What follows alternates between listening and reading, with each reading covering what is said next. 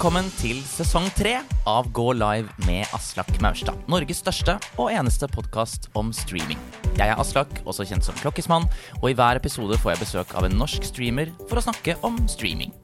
Dagens gjest kommer rett fra LA, der han har flyttet for å drive med streaming på fulltid. Han er en egen merkevare og har tatt verden med storm som streamer, til tross for at han begynte for under tre år siden. Dette er nok den i Norge som kan lære oss mest om hvordan vokse som streamer på dagens Twitch. Han streamer for Team Liquid. Gi en digital applaus til operasanger, årets streamer og multitalent Average Jonas.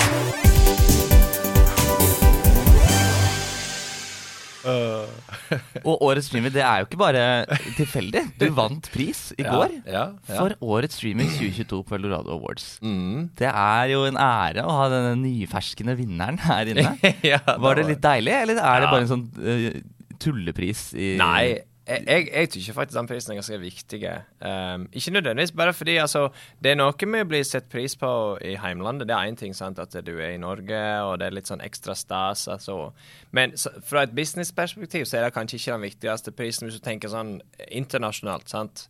Uh, men for meg er det viktigere å vite at det er bra vekst i gaming og streaming og e-sport i Norge, eh, fordi at det, du har jo en spesiell tilknytning til ditt eget heimland der alt begynte, osv. Så, videre.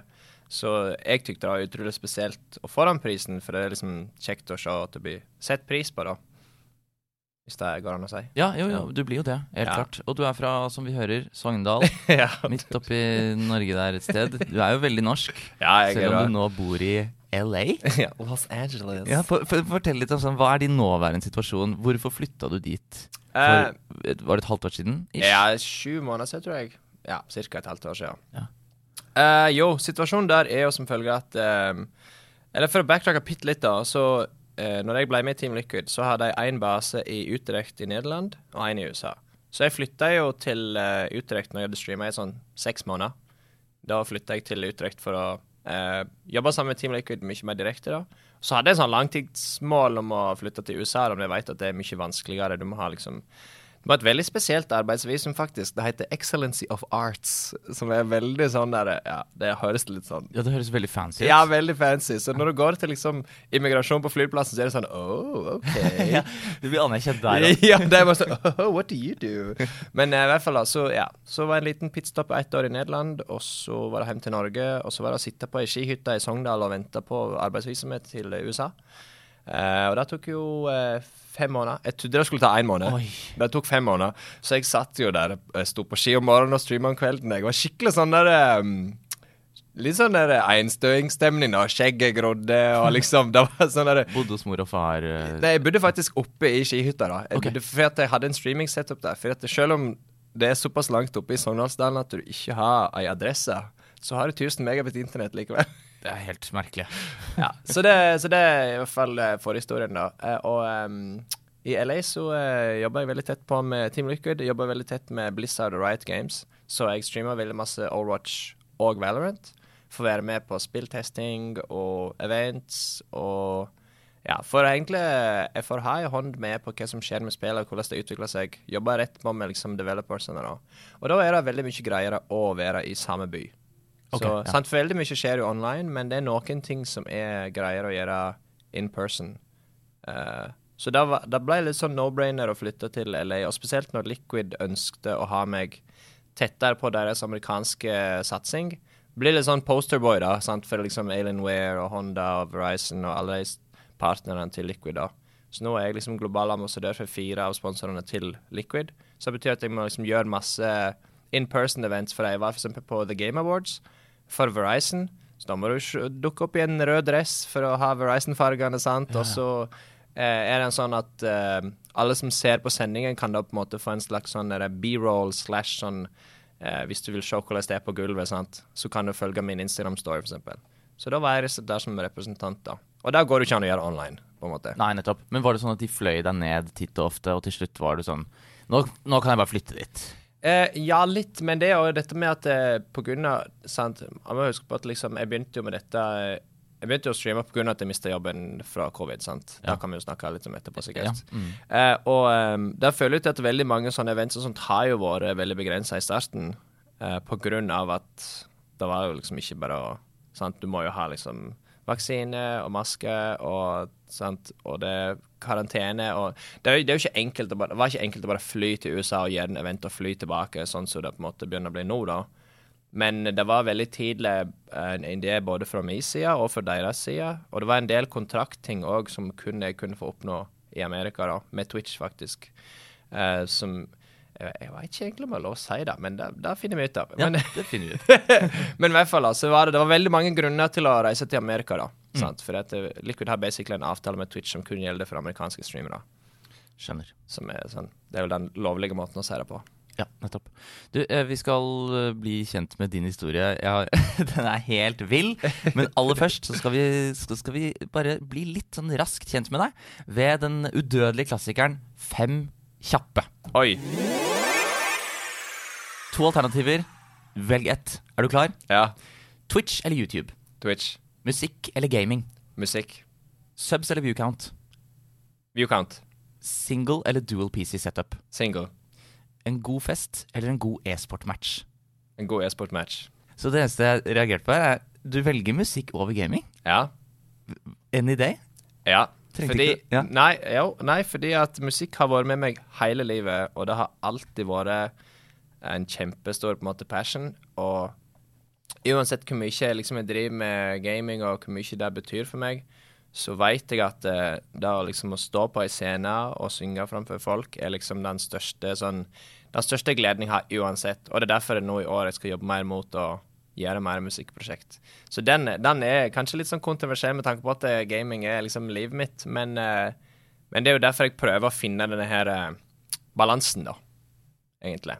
For jeg, jeg har jo jobb, jeg jobber jo som sanger de siste ti åra, og så mista jeg jobben, og så er det bare sånn Å ja, nei, men da spiller du dataspill, da. Og dette skal vi høre mer om nå.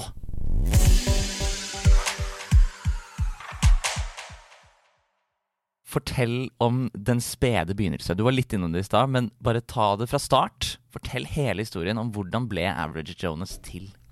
Average Jonas, altså Hvis vi tenker på eh, nickname Average Jonas, så begynte det faktisk for sånn åtte-ni år siden. Fordi jeg hadde en YouTube-kanal der jeg lagde musikkcovers. Jeg lagde a cappella, faktisk. Så jeg, jeg sang masse i kor, og så begynte jeg å lage sånne der, eh, Kanskje jeg hørte litt stemme oppi hodet mitt. Eh, Jeg vet ikke om det er sunt, men det er noe så. Eh, og så begynte jeg å, begynte å innse at jeg hadde veldig sånn bra evner til å plukke ut forskjellige stemmer og beatboxer og lage forskjellige instrumentlyder og sånt.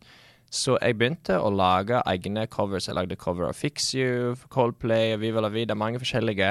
A cappella-covers. A cappella-covers, ja. Så 40 spor med min egen stemme, eksempel. Og dette ligger fortsatt Ja, ja, det ligger på, den, eh, ligger på gamingkanalen min. Hvis du sorterer til de første videoene, så det, ser det helt annerledes ut. sant?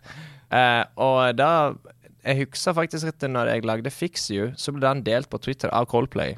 Og det, det er vel kanskje ja, kanskje seks eller sju år siden. Så allerede der så gjorde du ganske stor suksess, da. Nja uh, yeah. Her kommer problemet, da. Musikk på YouTube og covers generelt, i forhold til at eh, ad revenue eh, går til Store deler da går til de som eier musikken. Og det andre er at for å lage a cappella, så tar det kanskje 200 timer å lage én. Sant? Ja.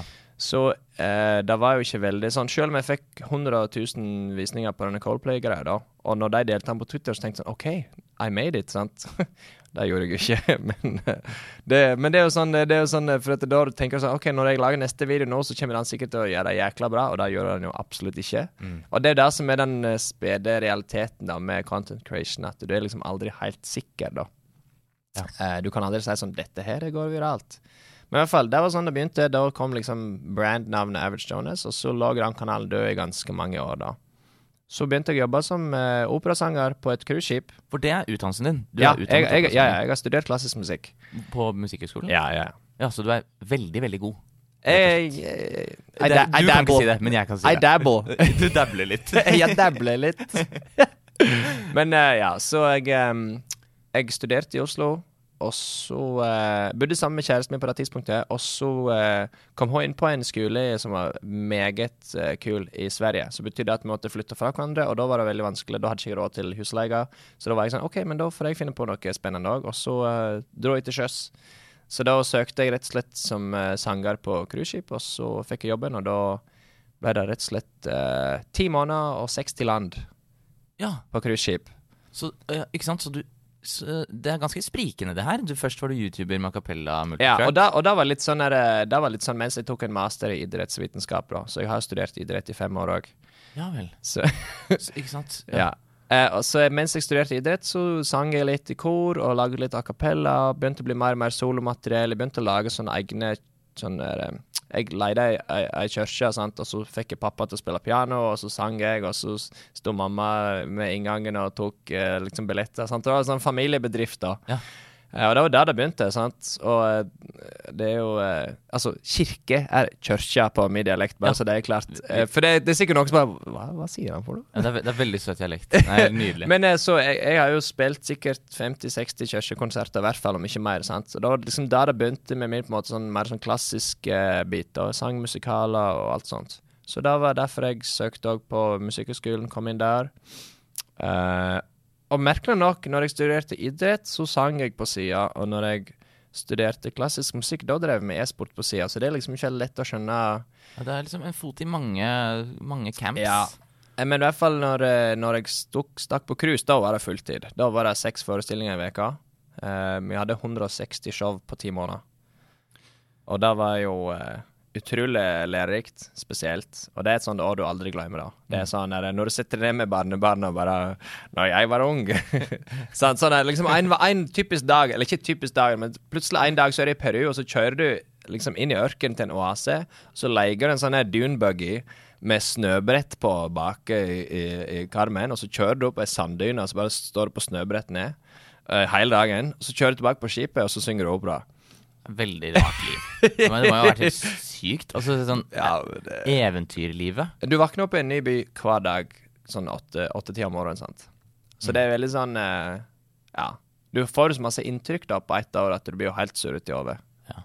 Men så skulle jo dette snu helt. Ja, så kom det jo en eh, Det var jo Vi, vi startet jo først i Middelhavet, og så kryssa vi Atlanteren, og så var det da eh, Key West, Florida og så videre, og så var det alle de store karibiske øyene. Så var det gjennom eh, Panamakanalen, ned sørkysten av Sør-Amerika. eh, vestkysten av Sør-Amerika. Og så når vi kom opp igjen til Brasil, da kom eh, pandemien. Så vi satt faktisk fast i Recife, litt nord for eh, Rio. Satt fast der i nesten to uker. For vi hadde fått en gjest som var blitt smitta. så det var full Så jeg var faktisk om bord på en av disse koronacruisene som du leste om i, um, i avisa, da. Ja. Så da var det væpna vakter på utsida av skipet. Lokale opprør, eh, opptøy. Folk ville jo på en måte angripe oss og, og, og sånt, fordi at eh, de ville jo at eh, Altså, alle som bor der, ville jo ha cruiset bort. sant? De ville jo at vi skulle reise vekk. Så de, de kom med våpen for Ja. å ta dere? Nei, de kom med våpen for å beskytte oss. Altså, vi hadde liksom Altså eh, Å, ja. Vi hadde væpna vakter som sto utenfor skipet, sånn at ikke vi kunne bli angrepne, da. Ja, ja. Så det var helt Texas. Det er dritskummelt ut. Det var jækla skummelt, fordi at vi, og det var sånn BBC-droner som fløy over skipet og, og filma og alt sånt, og det sto jo massevis av kamerafolk og alt sånt, fordi at det var jo Det var liksom ikke Altså, pand, sånne cruiseskip-pandemihistorier, de kom jo på en måte litt før pandemihistorien i resten av landet, og Brasil er jo kanskje ikke den sånn ja, Det er jo litt uh, forskjellige korrupte situasjoner der. Sånn at det, de gikk veldig lenge og sa at de ikke hadde det. sant? Mm. Så hvis den generelle uh, eh, tolkningen er at de ikke har korona i landet, men det er et skip som er i landet som har korona, så vil jo selvfølgelig alle at det skipet skal til helsike vekk. sant? Ja, ja. Men vi hadde ikke lov å reise. Vi, vi fikk jo beskjed om å stå. sant? Ja. Så da var det eh, full dialog med norske ambassaden, og så måtte vi chartre et fly fra Recife til Heathrow, der alle europeiske gjester pluss crew var om bord. Så vi ble eskorta midt på natta av en militær eh. Eh, i, altså, sant? Altså, da, da var det sånn at de har planlagt at alle lyskryssene er grønne for oss, sånn at de ikke blir stoppa noen plass. Ja. 40 sånne eh, politimotorsykler foran og bak. Akkurat sånn presidentkonvoi. sant? Blir kjørt til flyplassen og rett ut på stripa. Ikke noe terminal, ingenting. Du blir kjørt rett ut på stripa, og så bare går du inn i flyet. Altså, Du må jo ha følt deg som en sånn blanding av president og ettersøkt Ja. på en gang. Det er faktisk en veldig bra måte å si det på. Og så, ja, så inn i flyet, og alle satt i hazmat suits og bare Altså, Helt drøyt. ja, det var, det var skikkelig sånn actionfilm. eh, Ja. Ja. Og da var det veldig godt å komme hjem. eh, landa, landa på Flesland i Bergen, og der sto pappaen min med hjemmelaga pizza fra mor og en cola.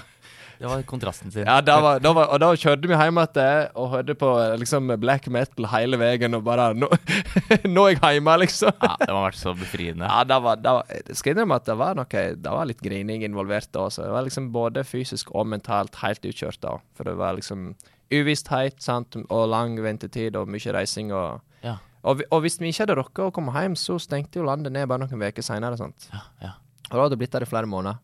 Så du hadde liksom Du hadde egentlig et ganske stabilt og fint liv på dette cruiseskipet? Å, det var jo drømmejobben. Ja. sant? Jeg, jeg reiste verden rundt og bada på Altså, det er sånn der topp ti vakreste strender i verden, og jeg har nesten vært på alle. sant? Så bare sånn, og det var sånn en vanlig dag. Du blir så bortskjemt at det var sånn Det var en dag vi var i Venezia, og så regna det, og så var det sånn En dag blir jeg på båten. sant? Du blir helt sånn der Ja ja, det er nå bare enda en dag, sant? sant? Det blir helt sånn, ja. Så um, Men, ja. så, men så Du mista jo hele den jobben, da. Ja, ja. av alle, alle som var om bord, mista jobben, rett og slett. Spesielt uh, sangere, for at du må jo ha et fullt skip før det er vits å ha sangere om bord. Ja, Mm. nettopp. Og da var det hjem til, uh, Ja. hjem til Sogndal. Ja, da var det hjem til mor og far.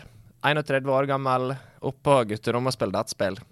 Det, høres, det høres umiddelbart ikke ut som en suksesshistorie. Nei, det høres ikke så veldig spennende ut. Det høres litt sånn eh, litt mer enn den andre enden, da. Altså, jeg, jeg innser jo da at eh, som forelder så er det vel lov å være bekymra i den situasjonen. Ja. Men så er det jo også sånn at når eh, verden går inn i isolasjon, da, så Veldig mange reiste jo hjem til foreldre og familie, og veldig mange hadde ikke så mange ting å gjøre. Det var ikke så lett å bare finne en jobb eh, når nesten alt stenger ned.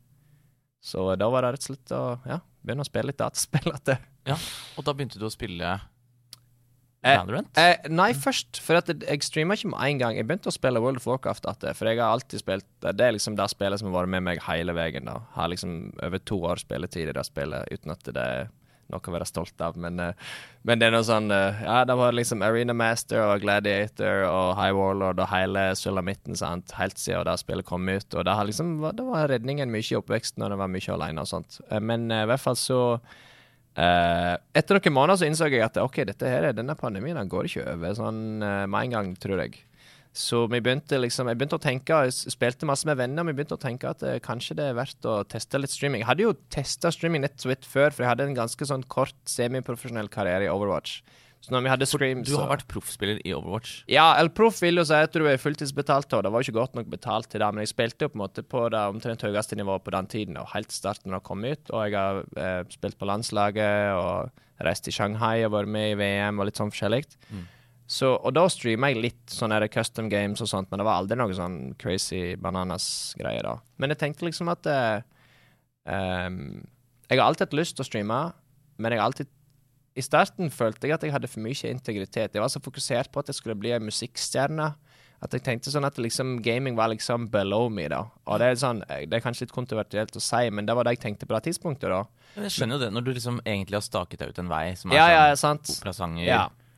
Og så ikke minst litt sånn forventninger fra venner og familie òg. Det liksom sånn, kanskje sånn at hvis de føler at du har et talent innenfor musikk, at du kanskje kaster deg litt vekk med å spille dataspill, på en måte. Og det er, det er helt lov å Da Det syns jeg er lov å, liksom, å tenke, for det kunne sikkert jeg tenkt om andre òg, på en måte. Men det er jo her fordommer kommer inn i bildet, da, at det kanskje en skal ha litt mindre fordommer om gaming generelt.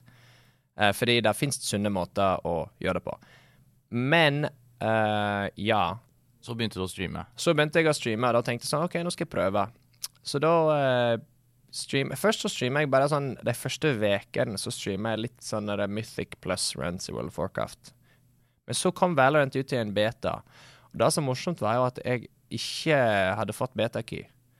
Men en kompis som jeg hadde fått beta-key, og det var på et tidspunkt der du kunne uh, få sånn Twitch drops. Sant? Og Twitch drops fungerte sånn at jo mer du så på en stream, jo større sjanse eh, hadde du for å få din egen betakey, da. Eh, så det som var morsomt, da var at eh, jeg var heldig da jeg lånte en kompis en betakey, så jeg kunne spille det. Så jeg begynte å streame spillet. Så hadde jeg min egen stream åpen hele tiden. Så etter to dager med å streame spillet, så fikk jeg en betakey drop fra min egen stream. Det er så cheat! Det er, det er exploit.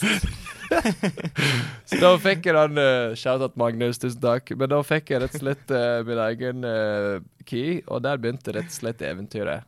Ja, fordi du har jo hatt en hel Altså, når man ser på statsa dine fra starten, Mm. så er det en helt utrolig start du hadde Ja. på Twitch.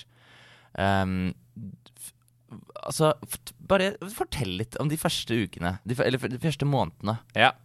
Ehm, det begynte med at jeg eh, veldig tidlig spilte Valorant, og det spillet var jo Det gjorde jeg jo veldig bra. Og det er jo selvfølgelig ikke noe hemmelighet at eh, hvis du skal liksom plutselig eksplodere på Twitch, så bør det kanskje være et spill som òg eksploderer på samme tidspunkt. sant? Det er litt med, med å ri ei bølge, det kan vi snakke litt om seinere. Men um, i starten så begynte jeg rett og slett med å eh, Det første jeg gjorde, da, i, i henholdsvis dette med å gi tips til andre òg, det er å liksom bruke det nettverket du allerede har.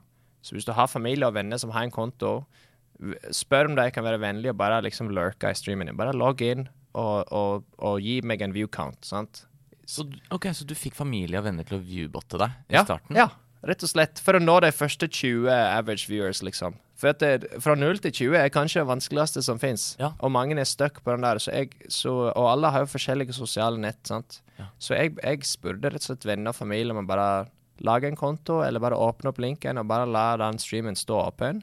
Og hvis du har tid, chat litt iblant. For det vanskeligste når du er en streamer når du begynner, det er jo at det føles så dødt at du har ikke noen å, å kaste ball med. sant?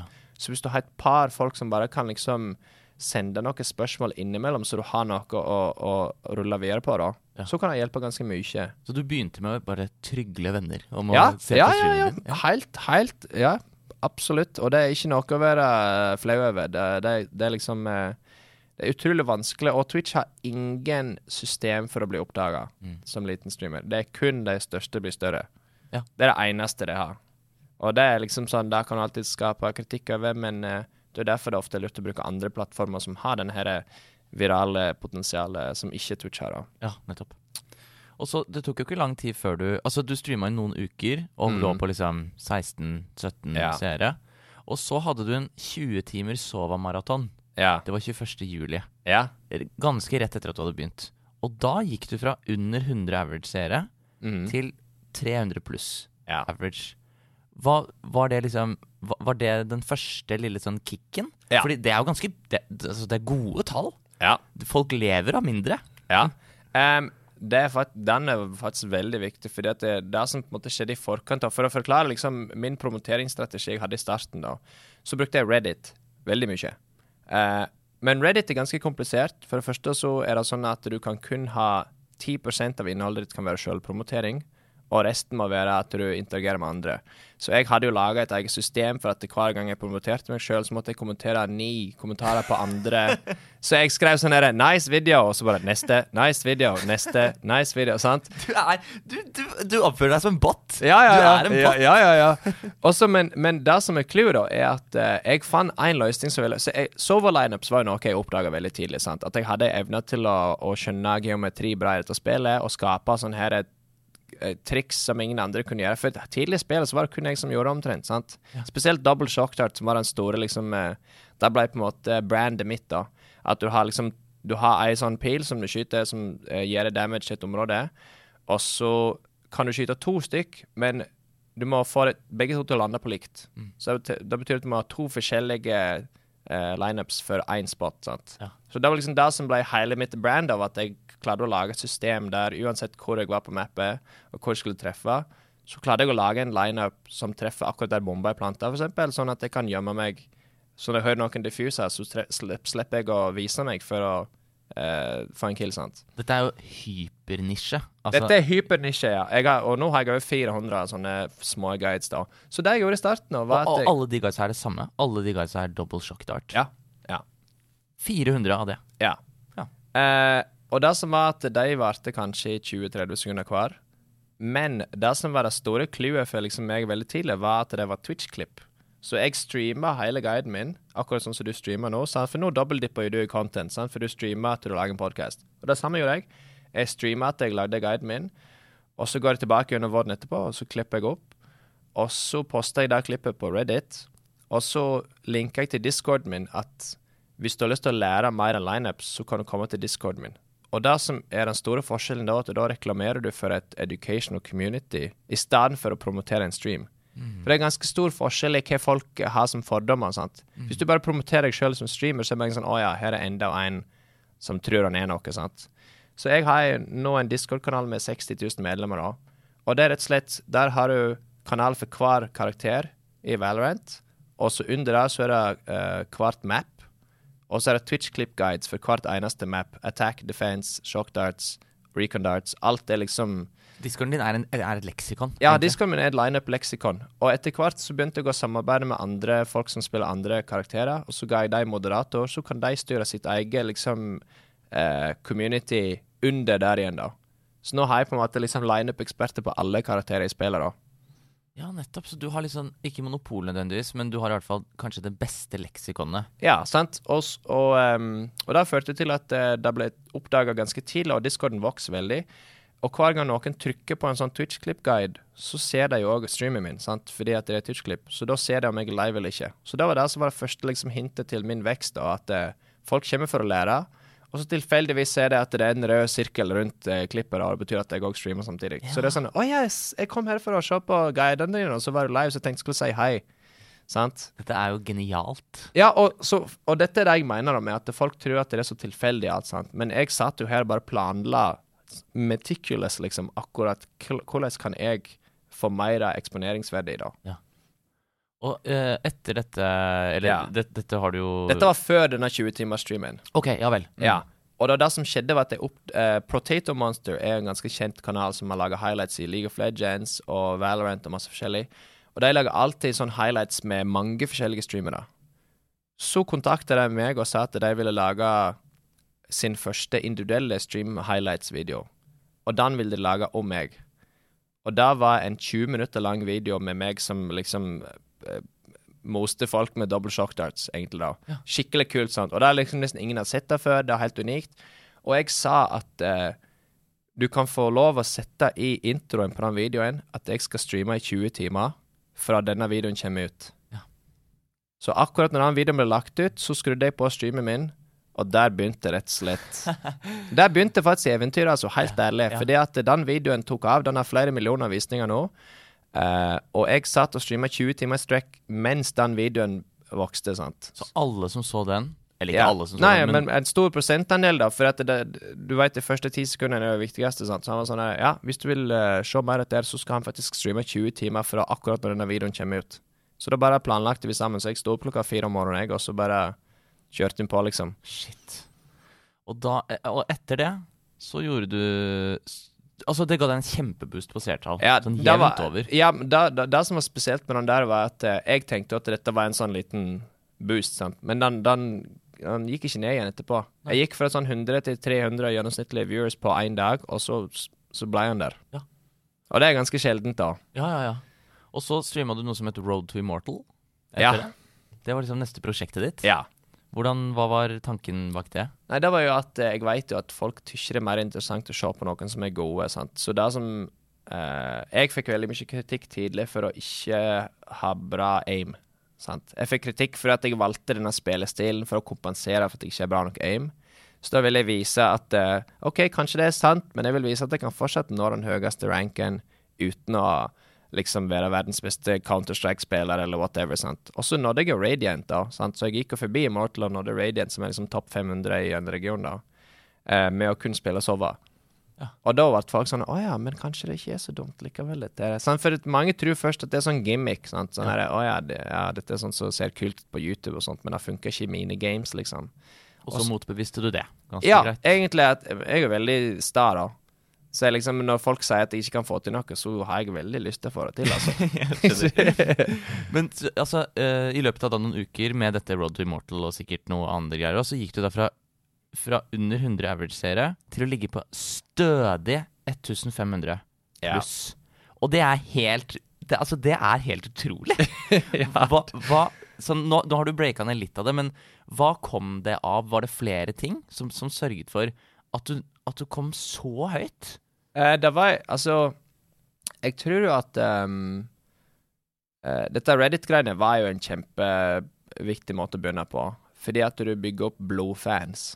Eh, så dette her med liksom gå fra Reddit til Discord til Twitch var på en måte en supergod eh, måte å promotere deg sjøl på uten å se ut som en som promoterer seg sjøl. Ja.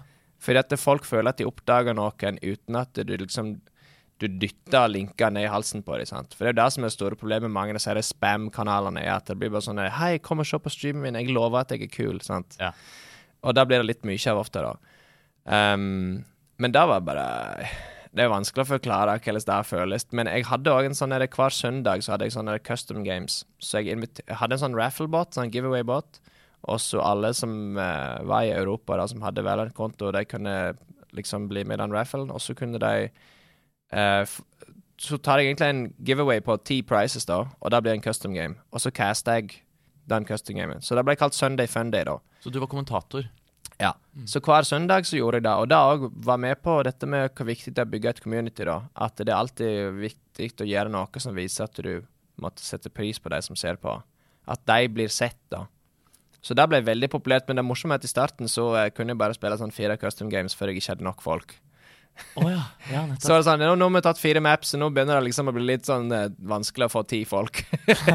så sitter jeg og tenker på det nå, at det er litt sånn Men i hvert fall, ja, som du sa, så plutselig så var vi oppe i 1500, og det var egentlig bare fordi at um, i utgangspunktet var det en spillestil som ingen hadde sett før, sant. Mm. Og det var jo litt sånn revolusjonerende, det er lov å si, uh, at uh, veldig mange kom fra Counter-Strike, Overwatch, hadde veldig sånn Hvis du ser på de første turneringene i starten, så spiller alle Valorant som om det er Counter-Strike. sant? Det er veldig det er veldig basic uh, angle holding, crossfires. De kan alt det mekaniske, men de, det er veldig begrensa hvor mye de kan om uh, ability usage. Fordi at det er noe som er unikt med det spillet her. sant?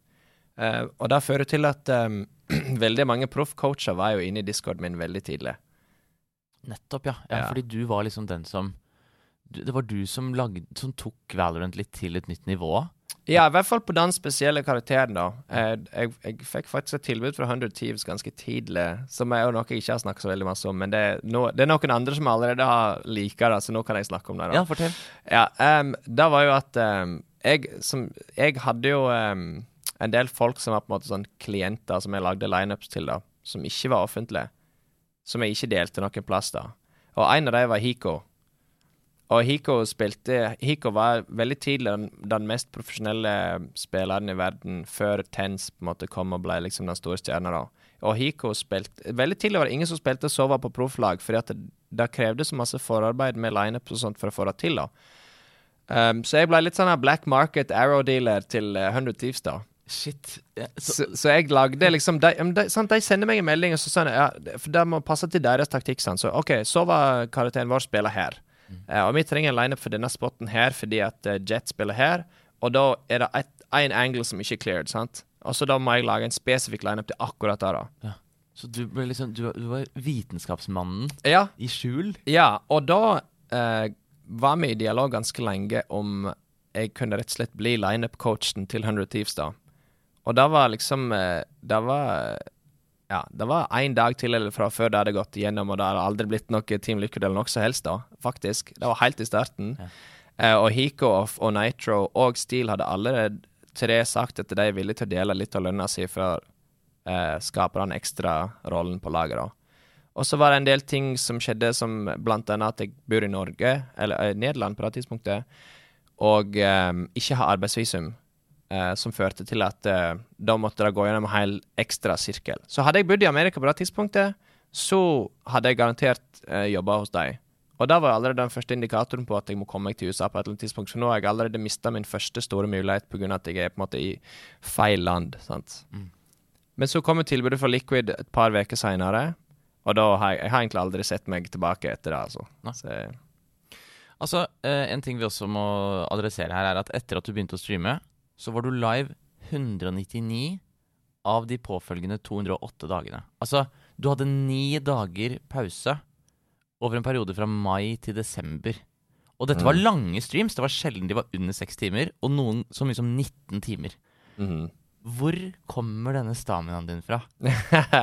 eh, jeg har alltid vært eh, ekstremt målbevisst. Og hvis det er noe jeg har lyst til å få til, så er det ikke vits å si til meg at du ikke bør gjøre det, eller ikke kommer til å få det til, for da kommer jeg bare til å prøve enda hardere.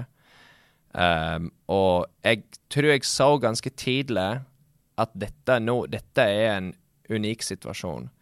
hele verden er i isolasjon. Det er veldig mange som søker digital underholdning. Men det er òg veldig mange som prøver å ta nytte av det vi begynner å streame. og sånn, Så jeg visste at det, dette er liksom min make or break. Hvis det er noen gang jeg skal få det til, så er det nå. Og her har jeg allerede drevet med YouTube og mange andre ting i nesten et tiår, så jeg vet jo at hvis jeg først har sjansen, så må jeg virkelig eh, ta det på alvor, da. Så da tenkte jeg OK, nei, nå får jeg bare dedikere de neste månedene til det. Og mamma og pappa var litt sånn der Kanskje du skal skaffe deg deltidsjobb, og så. Og så for hver måned så visste jeg liksom payouten fra eh, Twitch, da. Og de første månedene så dobla lønna mi seg hver måned. Shit. Ja. Sant? Fra Twitch. Uh, og først var det sånn OK, kanskje du bør fortsette en deltidsjobb, og så neste måned kom det så Oi, ja, men nå er det en deltidsjobb.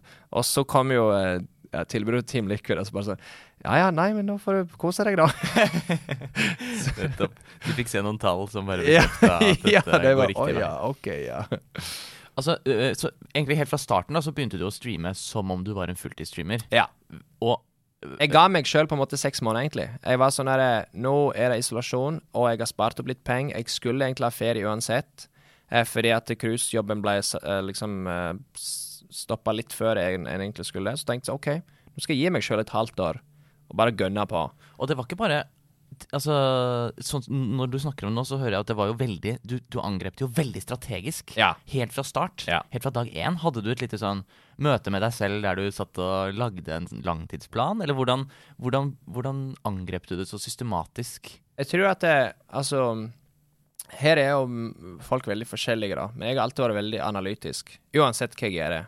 Og det er jo noen ganger veldig bra, og noen ganger helt forferdelig. Men det er jo sånn det ofte er med ting, at det er to sider av det. da. Men helt tilbake fra liksom når jeg skrev mastergraden min, sant, som er en master of science i, i idrett, så satt jo jeg på en måte og så på, så på tall fra liksom folk som driver med idrett, og hvor tungt de løfter, og sant, kroppsvekt versus styrke. Altså alle, så jeg, jeg har jo sett og jobba med tall egentlig store deler av livet mitt, og alltid likt matte. Og, så det var veldig sånn, for meg var det veldig sånn tydelig at hvis jeg skal gå inn i dette her nå, så må jeg kartlegge alle eh, faktorer som spiller inn på suksess, og så må jeg prøve å jobbe inn mot alle de faktorene jeg kan påvirke. For det er jo ikke alle på, du kan jo ikke påvirke alle faktorene, sant? Så du bør prøve å identifisere hva slags faktorer du kan påvirke mest mulig, sånn at tiden din blir brukt mest mulig effektivt da. Men det er jo ingen tvil om at eh, det kreves det en viss evne til å liksom analysere for å helt tatt skjønne OK, men sant, med min spesifikke situasjon, hva skal jeg gjøre for å lykkes? Eller ha størst mulig sjanse for å lykkes, da. Ja, ja. For det er jo ikke noe sånn oppskrift på bare å si OK, nå skal jeg lykkes, liksom. Da hadde jo flere på en måte gjort det, da. Hvordan, er, du fortsatt veldig analytisk? Er det sånn at du Ja. ja. Så i ditt nåværende liv så ser du fortsatt liksom Du ser alltid etter hvilke trender, hvilke muligheter, hvilke Ja. bølger kan jeg ride? Hver dag. Og dette er noe med Ja, disse bølgene er ekstremt viktige. Og ehm, jeg ser på stats hver eneste dag fortsatt, fra alt som er lagt ut. For nå har jeg et fullt team som jobber med innholdet mitt, da. Så hver gang det blir lagt ut, så ser jeg gjennom alt. Ser på gjennomsnittlig seertid, visninger, eh, click-through rate for å finne ut om tittel og thumbnail er bra nok, og hvordan den endrer seg over tid. Det er alltid masse Og du ser på dette. Ja. Altså, du personlig går inn og sjekker alle videoene. Alle Mm. Ok, det må vi snakke litt om. Ja. Fordi Hæ?! Du har tre YouTube-kanaler. Ja. Du tenker på å lage en fjerde. ja. Eh, i, I den ene YouTube-kanalen så postes det en video annenhver dag cirka. Den andre er det to i uken. Mm. Og den tredje er det også annenhver dag. Mhm. Så det er mer enn én video om dagen på YouTube. Ja. På TikTok så legger du ut en video hver dag. -hmm. Instagram ett innlegg i uka. Men du er veldig aktiv på Story. Og eh, reels hver dag. Og reels hver dag, ja. Mm. Eh, du har jo en kjempediscord-server. Du er veldig aktiv på Twitter. Og dette er jo veldig mye. Altså, Ja. det, dette, er, i, dette er i tillegg til at du streamer Ja. hver dag. ja. Det, det, det går ikke an for et menneske å gjøre. Det sier seg selv. Mhm. Så maskineriet rundt deg som merkevare, Mhm. kan du ta oss gjennom hva, hva er Average Jonas. AS? Ja. Eh, sånn helt eh, overordna så har jeg ett AS i Norge og ett AS i, eh, USA. Og det er bare fordi at jeg, når jeg begynte i Norge og det begynte å gå bra, så startet jeg et norsk AS. Og når jeg flyttet til USA, så må jeg ha et AS der. Så da har jeg liksom én regnskapsfører i hvert land og en sjef i hvert land. Broren min styrer faktisk mitt norske AS nå, og der driver vi med masse boliginvesteringer. Og Så, ja, så en sjef Så det, du, har, du har en sjef som du selv har ansatt, Ja. som er sjefen over Ja. deg, på en måte? Ja, ja, ja, sånn, broren min er sjefen min, Ja, sant? ja. Og det er bare sånn fordi at da har jeg andre ting jeg kan heller fokusere på, sant? Apropos Eh, familiebedrift. Ja, ja, ja sant. Eh, så har jeg da én personlig manager i Team Liquid. Og så har jeg én personlig manager i UTA, United Talent Agency. Det er et sånt talentagentur i Hollywood som er grisebra, da. De jobber liksom Altså, jeg har samme agentur som Kevin Hart, og det er ganske morsomt, syns jeg. Eh, så de to jobber veldig tett på hverandre, fordi at i utgangspunktet så er jo begge de min personlige representant, men når det er noe som skjer i Team Liquid som f.eks. må forhandles, så, så blir jo på en måte ikke manageren min i Team Liquid den beste, for da blir hun sittende på begge sider av bordet. Så da har jeg en annen som måtte representere mitt personlige brand utenfor eh, organisasjonen. Så måten det blir delt opp på, er at alle sponsordeal som kommer gjennom Liquid, da blir det min Liquid manager. Og så alle andre avtaler kommer gjennom eh, UTA. Og så får jo de begge en naturlig cutter, da. Så har jeg en kanalmanager som da er ansvarlig for alt av innholdet mitt på alle kanaler. Jobber, så jobber alle disse kanalene, det er det én person Ja. som drifter? Ja. Ja, hun styrer det overordna, så hun redigerer og overser alle posting schedules, og altså da snakker vi Uh, brandstrategi Altså, for dette er en person som kjenner meg veldig godt, da, sant? så jeg har jobba med henne i snart to år. Eh, vi har hatt masse møter hele veien, masse kritikk sant, på hvorfor funker dette, hvorfor funker dette ikke. Eh, noen ganger så kanskje å legge ut noe, så syns jeg at ordvalget setter meg i et dårlig lys. Sant? Mange sånne ting. Og så jobber du konstant med å bygge et bedre bedre forhold, sånn at eh, du, du er mer og mer um, identisk på hva du tenker om brandstrategi. Sånn at til slutt så skal hun uh, klare å bare si dette er Jonas hadde foretrukket. sant? For at hun legger ut alt før jeg ser det. Jeg ser det etter er blitt lagt ut. Fordi at jeg analyserer liksom etter uh, det som skjer etterpå. da. Ja. Så det er kanalmanager. Og så har hun én til tre editors under seg. Alt etter når ting skjer. For dette er et snakk med ribølge. Når det skjer jækla masse, så er det ikke nok med én person som redigerer. For da må ting komme ut på alle plattformer samtidig. Så da har vi opptil tre stykker som jobber og redigerer samtidig. da. Så det vil si at det er to personlige managere, én kanalmanager, to, to eh, regnskapsførere, to sjefer og én advokat. Og det er liksom Det er ditt maskineri, Ja. oppsummert der. Mhm. Hvordan fant du alle disse menneskene? Hvordan har du bygget opp dette imperiet? Ja, men det, det, altså, det er så mye tilfeldigheter som spiller inn. Um, hun som redigerer for meg, hun redigerte for en kompis av meg som var en litt mindre streamer, som på en måte de vokste liksom litt sammen. da. Så hun har ikke utdanning i redigering eller noe. Hun jobba i en barnehage før. Og så eh, syns, likte jeg veldig godt stilen hennes, og jeg, jeg, da hadde jeg allerede jobba med et sånt firma som redigerer før. Og disse firmaene de er veldig sånn maskineri, som du kaller det, sant? men de blir veldig upersonlige veldig fort. Og de lagde bare stream highlights, og så pøste de ut. Og så så jeg egentlig at tallet liksom sakte, men sikkert gikk nedover, fordi at det er bare samme type thumbnail, samme type tittel. De bare pøser ut, og de har sikkert 20 andre klienter som skal gjøre det samme før. Så jeg skjønte ganske tidlig at jeg trenger noe som bygger mer opp rundt eh, hva som gjør meg unik, og hva som, hva som funker for en sånn langsiktsstrategi. For at det, hele veien siden dag én har strategien min vært at jeg skal kunne spille hva som helst, når som helst. Det er liksom min overordna strategi, da. At uh, det får jeg ikke til ennå, men jeg er på vei. Jeg skal kunne starte streamen når jeg vil, og jeg skal kunne spille hva jeg vil. Det er liksom endgame, sant? Ja, nettopp. Um, men, det, men det er veldig mange steg dit, og du må gjøre ulike valg på hvert steg. Og det er det som er vanskelig, da. Mm.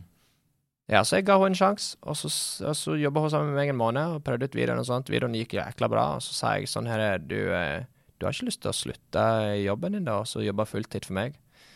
Og så uh, var det litt diskusjoner fram og tilbake om lønn og sånt, og så nå jobber hun fulltid. Både hun og kjæresten hennes jobber fulltid nå. Som, som, som editors. Så, så det starta med henne, og så lærte hun opp kjæresten sin, og så nå jobber de begge to for meg, pluss et par andre. For det er veldig mye sånn at når noe funker, så ser vennene dine, sant. Så jeg er jo venn med Seagull, Emong uh, og Flats, som er veldig store Overwatch-streamere, da. Ja.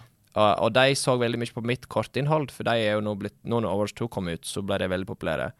Så da uh, har de alle nå hyrt inn eh, kjæresten til min editor.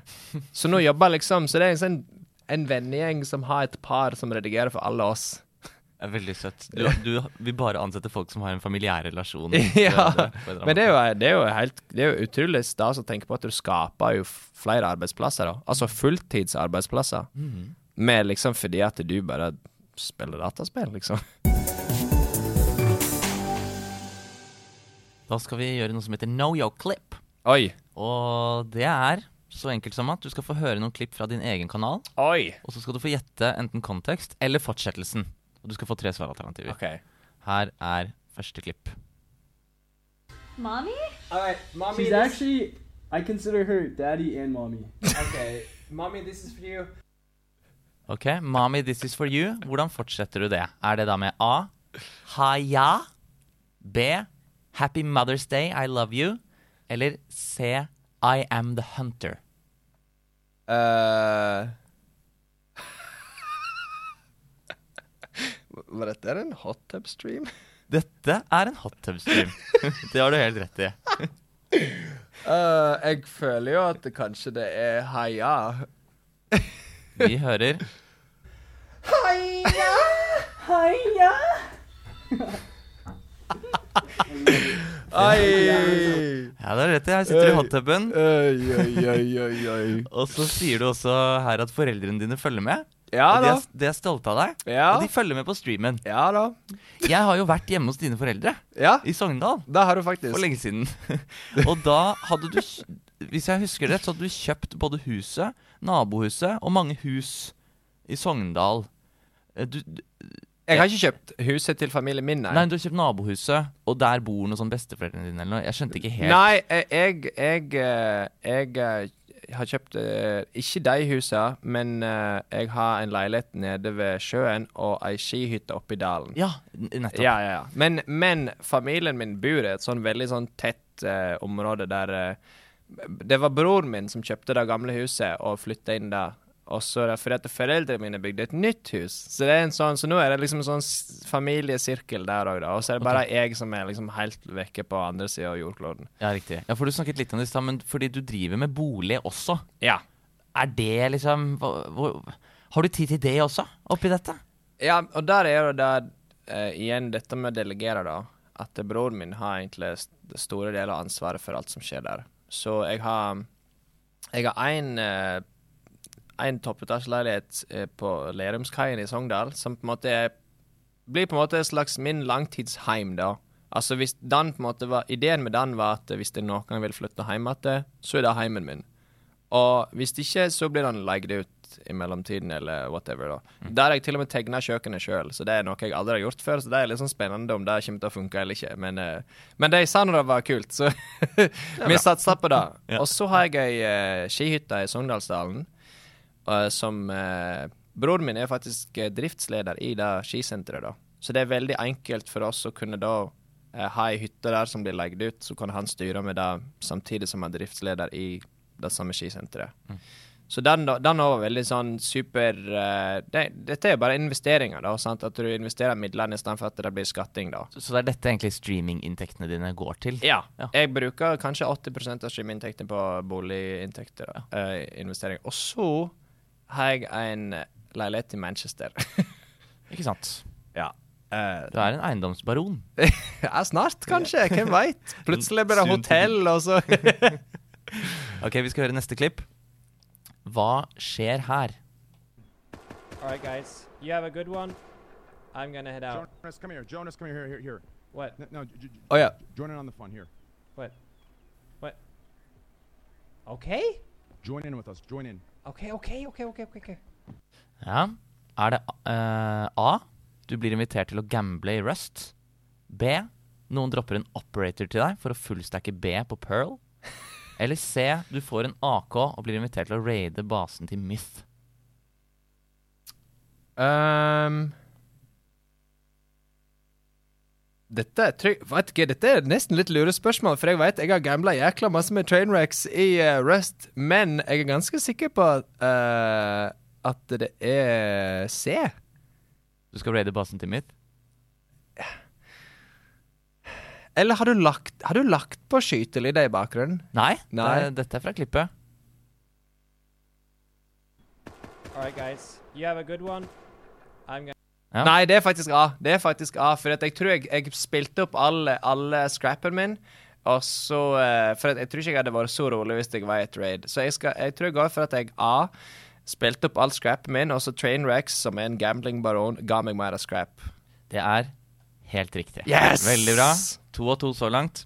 Og ja, her, spil, som du sier, her spiller du med veldig veldig store streamere. Mm. Og ehm, en ting som vi ikke har touchet innom før, men som jeg mener å huske at du har snakket om tidligere, er at da du begynte å streame, så streamet du med folk. Du, Mm. du, dere var en gjeng på sånn fire-fem stykker, Ja. og alle begynte å streame samtidig. Ja. Og dere streama veldig mye sammen. Ja. Og det var det, Var det litt fordi det også liksom var at da fikk du fem lottobilletter istedenfor én? Ja, Ja. absolutt. Så uh, vi var fem, cirka, cirka, stort sett fem, som alle spilte én karakter. Så vi ble sånn er det kalt for liksom the one trick ponies. sant? Så veldig tidlig så var vi tre. Det var meg og Flights og Flexinja som spilte da Sova, Race og Omen. Alle hadde en veldig spesifikk aggressiv spillestil som var litt unik. Flights har jo ikke Han har ikke lagt ut videoer på åtte måneder nå, men han har fortsatt de mest populære YouTube-videoene i verden på Valorant. Altså han Den siste race-montasjen hans har 3,5 millioner visninger på YouTube. Så han er, han er helt eksepsjonell på race movement. da. Så vi begynte alle tre sammen eh, å spille sammen. Og det morsomme er at Flexinja han eh, bodde, bodde jo i Texas, sant? og vi bodde i, Europa. Så han lagde rett og slett en europeisk konto for å spille med oss. Så veldig tidlig så var det gjort sånn at vi fant ut at fordi at Flights og jeg var i Europa, så det var to mot én, så var det bedre at uh, Flexinja lagde en uh, europeisk konto enn omvendt. Så spilte vi sammen så mye som mulig, og vi kalte oss sjøl for The One Trick Trio. da. Det var liksom eh, altså en branding-ting. Og da, da kom jo Potato Monster inn og lagde en sånn One Trick Trio-montasje, og The Three Musketeers of Valorant. da. Så det skaper mye mer bredde da, for å få interesse til tre forskjellige karakterer. Også relasjonen vår imellom, da. Ja, nettopp. Men, så, så når du ser tilbake på det, er- var det bare positivt at dere var eh, Nei. så mange som streama sammen? Nei. Eh, utfordringen er jo at hvis du streamer samtidig, så deler det òg på seertall til et visst nivå. Ja. For eksempel um, Det var en stund der Flights var mye mer populær enn meg og Flexinja, blant annet fordi at ene ting er at jeg, jeg syns bare han var mer eh, interessant å se på sjøl, fordi at uh, dette race movement-greiene han gjorde, var helt Altså, han bruker satchels til å ha sånn sjukt bra air controller. Så han hadde sånn metode liksom å bare lande inn i spawn etter fem sekunder. Altså alle, og, og når du ser på de han spiller mot, så skjønner ikke de at det er mulig engang, så de sikter liksom feil vei når han skyter dem. sant? Så, så det var liksom sånn Videoene hans var liksom helt eksepsjonelle, og alle ville se han. Pluss at han streama mye mer sporadisk enn oss, sånn at vi ble litt sånn flights waiting room, da. Eh, Ganske lenge så var det litt sånn at eh, ja, ja, When is flights coming online? var liksom det mest, mest skrevne spørsmålet i chatten. da. Ja, nettopp. Men, eh, men er du glad for at du gjorde det nå, sett i Ja. ettertid? Det var altså uh, Igjen i forhold til streamingtips, da. Finn samarbeidspartnere og voks sammen. Det er liksom bare Ikke bare for liksom det liksom Liksom det praktiske med veksten òg, men òg for det mentale. Mm. For du har det mye mer kjekt. Altså at du skal liksom spille lag med venner, da.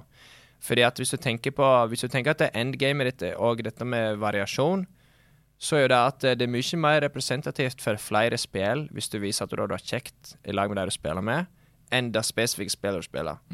For eksempel når jeg spiller med Red, som er en kompis av meg, da, så spiller vi sammen både i Valorant, Apex, Overwatch og Bloodhunt. Så vi er en duo uansett, og folk liker kjemien vår. Sant? Så da kommer liksom Uavhengig av hvilket spill det er, da, så vil de alltid like den kjemien, da. Vi skal høre tredje klipp. Ja. Yeah. It's so good. yeah, yeah, yeah. Oh. If you if you like if you like spicy food, try the meat spicy meatballs. Ja, hva fortsetter du med å si her? Du sier først If you like spicy food, try the spicy meatballs. Sier du A. You're already sweating, so you know. Eller B. They will spice up more than your normal life. Eller C. And if you're still hungry, I've got two more right here. Ja, dette er jo tilbake med at eh, Ja. Det er kanskje ikke den beste sjekkelinja i verden, da, men det kom basically eh, to fine jenter forbi og, og spurte om maten var god, og så sa jeg For det var ei, hetebølge i New York, Ja. så det var 100 Fahrenheit da. Det var jækla varmt. Så jeg sa rett og slett at eh, det er bare å ete spicy, fordi at dere svetter jo allerede. så det var jo La oss høre. You'll be, you're already sweating, so you know. ja, her er du altså Her spiser du med en venn. Ja, hvordan er han her singel? Det er ikke godt å si. Nei, det, hvordan, hvordan har det seg til? Men fordi er du Altså er, Hvordan er det Du jobber jo veldig mye. Ja. Har du noe tid til både sosialt liv, kjæresteliv, sånne ting som det? Eh, jeg har blitt flinkere på det nå. En av grunnene til å flytte til Amerika var at jeg har veldig etter alle nettverksbygging jeg har gjort, så har jeg veldig mange venner der borte. Så når jeg flytta til LA, så følte jeg meg mye Jeg følte jeg aldri følt meg så hjemme etter jeg begynte å streame, da. Fordi at jeg har alltid følt at liksom Når jeg streamer, så er på en måte gjengen min en annen plass enn der jeg er, da. Men eh, når jeg kom dit, så uh, ble det mye bedre. Og nå, siste månedene, faktisk, så har jeg vært jeg jeg har laga en sånn gruppe med streamingvenner som reiser på klatring to-tre ganger i veka. Og så er det alltid lunsj på liksom, den samme meksikanske kafeen etterpå. da. Så da har vi på en måte i hvert fall to dager i veka der vi tar en halv dag fri. Er det den med spicy meatballs? Nei, der var jeg i New York. Okay. så det var ikke Men, men da var det en game changer i forhold til dette med å sosialisere med folk, og samtidig være fysisk aktiv og komme i form. Eh, så absolutt. Eh, og i forhold til kjæresteliv så er det liksom eh, veldig begrensa hvor mye en har tid til med sånne ting. Og så tror jeg òg at hvis, hvis det hadde faktisk eksistert, så hadde det nok holdt det hemmelig òg, tror jeg. Ja, nettopp. Ja. Um, det høres ut som i ditt liv så må du ofre mange ting, ikke Ja. bare dette. Hva er de største ofrene som du har måttet gjøre for å komme dit du er i dag? Ehm, det, er, det er jo ingen tvil om at du må ofre mye sosiale sammenkomster. Det er jo ikke til å stikke under en stol. Det er liksom, dette er jo 200% arbeid. Det er jo eh, Jeg husker ikke akkurat tallet, men jeg har streama i under tre år, men jeg har fortsatt streama over 7000 timer. Så det er jo klart at eh, det, det, det er mange timer. Eh, så måtte ofre mye sosiale sammenkomster. Du må satse skikkelig på at eh, Eller du må tro på deg sjøl, sant. Eh, men jeg, jeg tror kanskje det er sosialliv og, og fysisk aktivitet som er de to tingene jeg, jeg følte jeg måtte ofre. Og her er det som kommer frem nå, da. At eh, nå når jeg har kommet så langt, så føler jeg at jeg ikke trenger å ofre de tingene lenger. For nå, nå er jeg faktisk mye mer sosial enn det jeg har vært på mange år. Og jeg er mye mer fysisk aktiv enn det jeg har vært på mange år. Fordi at jeg har klart å komme i en sånn komfortabel posisjon der innholdet blir posta fast, og jeg har folk som jobber for meg, som tar mye av eh, den liksom ballasten som jeg hadde sjøl før, da. For i starten så redigerte jeg jo alt sjøl. Når du ser at du så jeg streama så masse de første eh, 200 dagene, da. Ja. Da må du legge på at jeg redigerte i hvert fall fem timer i strekk hver dag etter det hver dag. Ja, det er helt rødt. Sant? Så det var jo, det var jo, det var ikke mulighet å snakke med meg, nesten. sant? Fordi at jeg hadde tall som svirra rundt oppi hodet, og thumbnails og Så det er jo alltid sånn som med, med det mye, da, at det er liksom medaljens bakside, da. At uh, en må liksom ta vare på seg egen helse òg.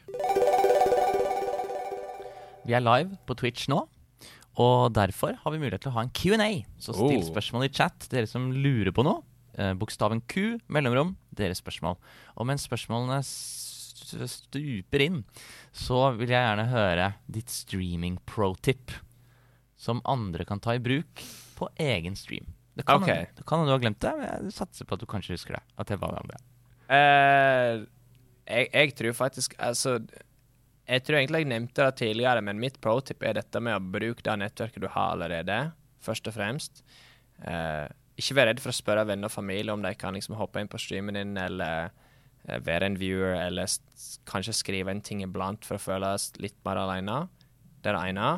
Og det andre er å være synlig på flere plattformer. For nå er vi kom... Nå er, altså, vi er såpass heldige nå at hvis du lager kortinnhold nå, så kan du poste den samme videoen på tre forskjellige plattformer. Så jeg, når, når folk spør meg om tips, så sier jeg alltid at det, hvis du ikke poster TikTok, YouTube Shorts og Instagram Reels, så liksom Det, det er trolling, liksom. Det er helt seriøst. Fordi at, det, fordi at eh, eh, sånn så, Det er veldig vanskelig å, å, eh, å sette masse tid til å lage en YouTube-video hvis du eh, ikke har mange visninger. sant? Hvis du bruker eh, ti timer på å lage en video som får 50 visninger, så er kanskje ikke det det beste. sant? Men du kan ha laget 20 shorts. Du kan lage 20 TikToks på samme tidspunktet. sant? Så poster du bare short content i lang tid, helt til kanalen har en viss, viss mengde med visninger. Så kan du begynne å bytte til langinnhold, fordi at da er det en del folk som vil sette pris på det. Så det er kanskje mine to sånne pro-tips, da. Veldig gode tips. Eh, så eh, gjør det. Post overalt, folkens. Kort og Overalt. kort. Kort og langt. Uh, Osland6 lurer på hvem er det som bestemmer contentet som redigererne dine skal redigere? Uh, det er jo utgangspunktet meg, da, men eh, sånn som vi har det nå, så eh, Hver gang jeg spiller Valorant, så lager jeg de, de, Siste måneden så har jeg laga en ny skin-kolleksjon hver gang jeg spiller Valorant. Så det vil si at det har gått mange mange titusenvis av kroner i skins på det spillet. Eh, og så har jeg laga en ny kolleksjon hver gang. Og så vil da editingteamet mitt lage en highlight av de gamesa. Så det vil si at i bakhodet mitt så må jeg tenke har jeg nok innhold nå til én video. Så når jeg, Mens du streamer? Så ja, må du ja, tenke ja, hele ja, ja. Så når jeg, har, når jeg har gjort én stream, så må jeg ha spilt minst fem games. Eller tre eller fire hvis jeg spilte jækla bra. Og så, hvis det skjer et par ting i løpet av den streamen som er jækla bra, så, så sier jeg fra til editoren min eh, To timer og 40 minutter inn i sendingen så hadde jeg en jækla morsom interaksjon med denne personen her. Dette bør bli en TikTok. Sant? Eh, men i utgangspunktet så eh, Nå er jeg kommet til et stadium der jeg stoler ganske blindt på editingteamet mitt fordi at vi jobber så masse med brandstrategi sammen, og fordi det er deres fulltidsjobb å lage best mulig innhold ut ifra det jeg eh, eh, streamer. Men alt det jeg streamer på Valorant, kommer ut på YouTube. Altså hver eneste game, hver eneste highlight er fra en stream. Så det, det er ingen game som blir kasta vekk. Um, Drius lurer på her um, Streamet du noen gang på norsk? Og hva er dine tanker om norsk Twitch? Uh, jeg tror jeg streamer faktisk bitte litt på norsk helt i starten, tror jeg. Jeg tenker selvfølgelig at det kommer litt an på hvordan du identifiserer deg sjøl, og hva slags ambisjon du har. Jeg tror det er kanskje litt dette med å være en, en stor fisk i en liten dam eh, i forhold til en liten fisk i en stor dam.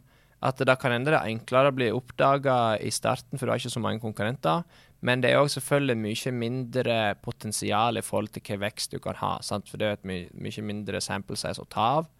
Men jeg tenker jo selvfølgelig at du bør eksperimentere med deg sjøl, hva du føler deg komfortabel med å kommunisere på. Jeg, snak, jeg, altså, jeg snakker jo Det er jo lettere å skjønne meg på engelsk enn norsk, siden jeg er fra Sogndal. Så det er jo, så det er jo Det var litt sånn dialekta som tok det valget for deg. Så jeg tror det, det, det må nesten være opp til deg sjøl, altså. Jeg tror ikke det er noe sånn du må velge det ene eller det andre, men det er jo klart at det, det er vanskelig å få tusenvis av seere hvis du streamer på norsk, da, for å si det på den måten.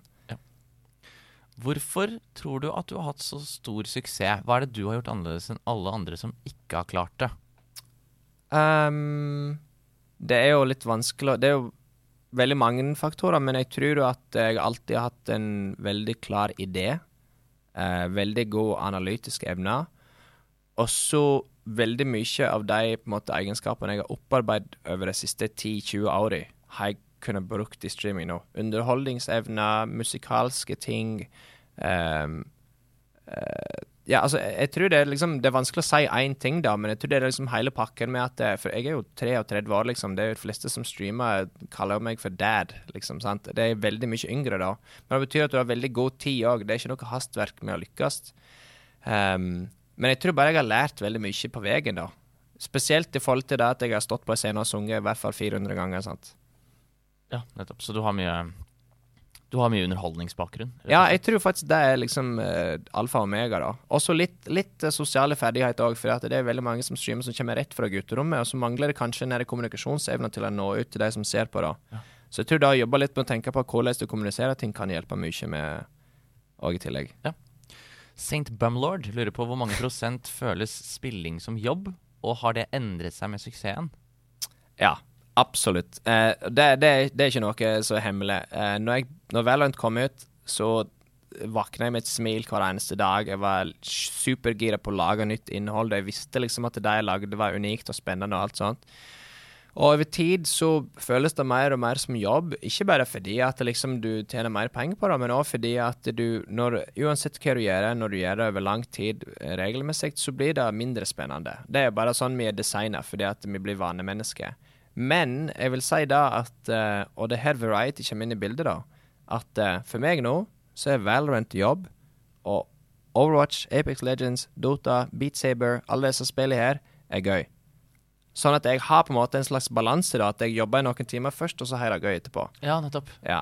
Ja, Ja. Mikser du inn eh, variety content i ja. dine? Og det er òg et tips forresten til streamer, at hvis du vil gjøre mer variety, spill alltid mainspillet først. Og så bytter du til variety, for da har du muligheten til å introdusere spillet til eh, kjerna di. Du har muligheten til å si sånn her OK, nå skal jeg bytte spill. Det er kanskje ikke akkurat den typen spill du er interessert i, men gi det kanskje en halvtime, og hvis du ikke liker det, så er det helt greit. Men gi det i hvert fall en sjanse, da. Så er det mye større sjanse for at du får på en måte dratt deg over til et annet spill, da. Mm. Uh, ok, vi tar et siste spørsmål. Um, du er jo en av verdens største streamere. Hva tror du er fremtiden til streaming? Um, jeg tror at framtiden til streaming blir at det, det Allerede nå blir det mer normalisert. Uh, du har mye mer Altså, du kan se på For du kan se på hvor populært noe er i forhold til hva slags sponsoravtaler folk har, f.eks., og hva slags brand som ønsker å jobbe med deg, da. For når, når gaming og e-sport begynte, så var det liksom kun måte, datarelaterte brands som jobba med Altså internett og gaming companies og sånt som sponser. Sant? Så det er ganske surrealistisk nå at liksom, for at jeg er ambassadør for Honda. sant? Det gir jo egentlig ikke noe mening i det hele tatt sånn på det liksom overordna plan.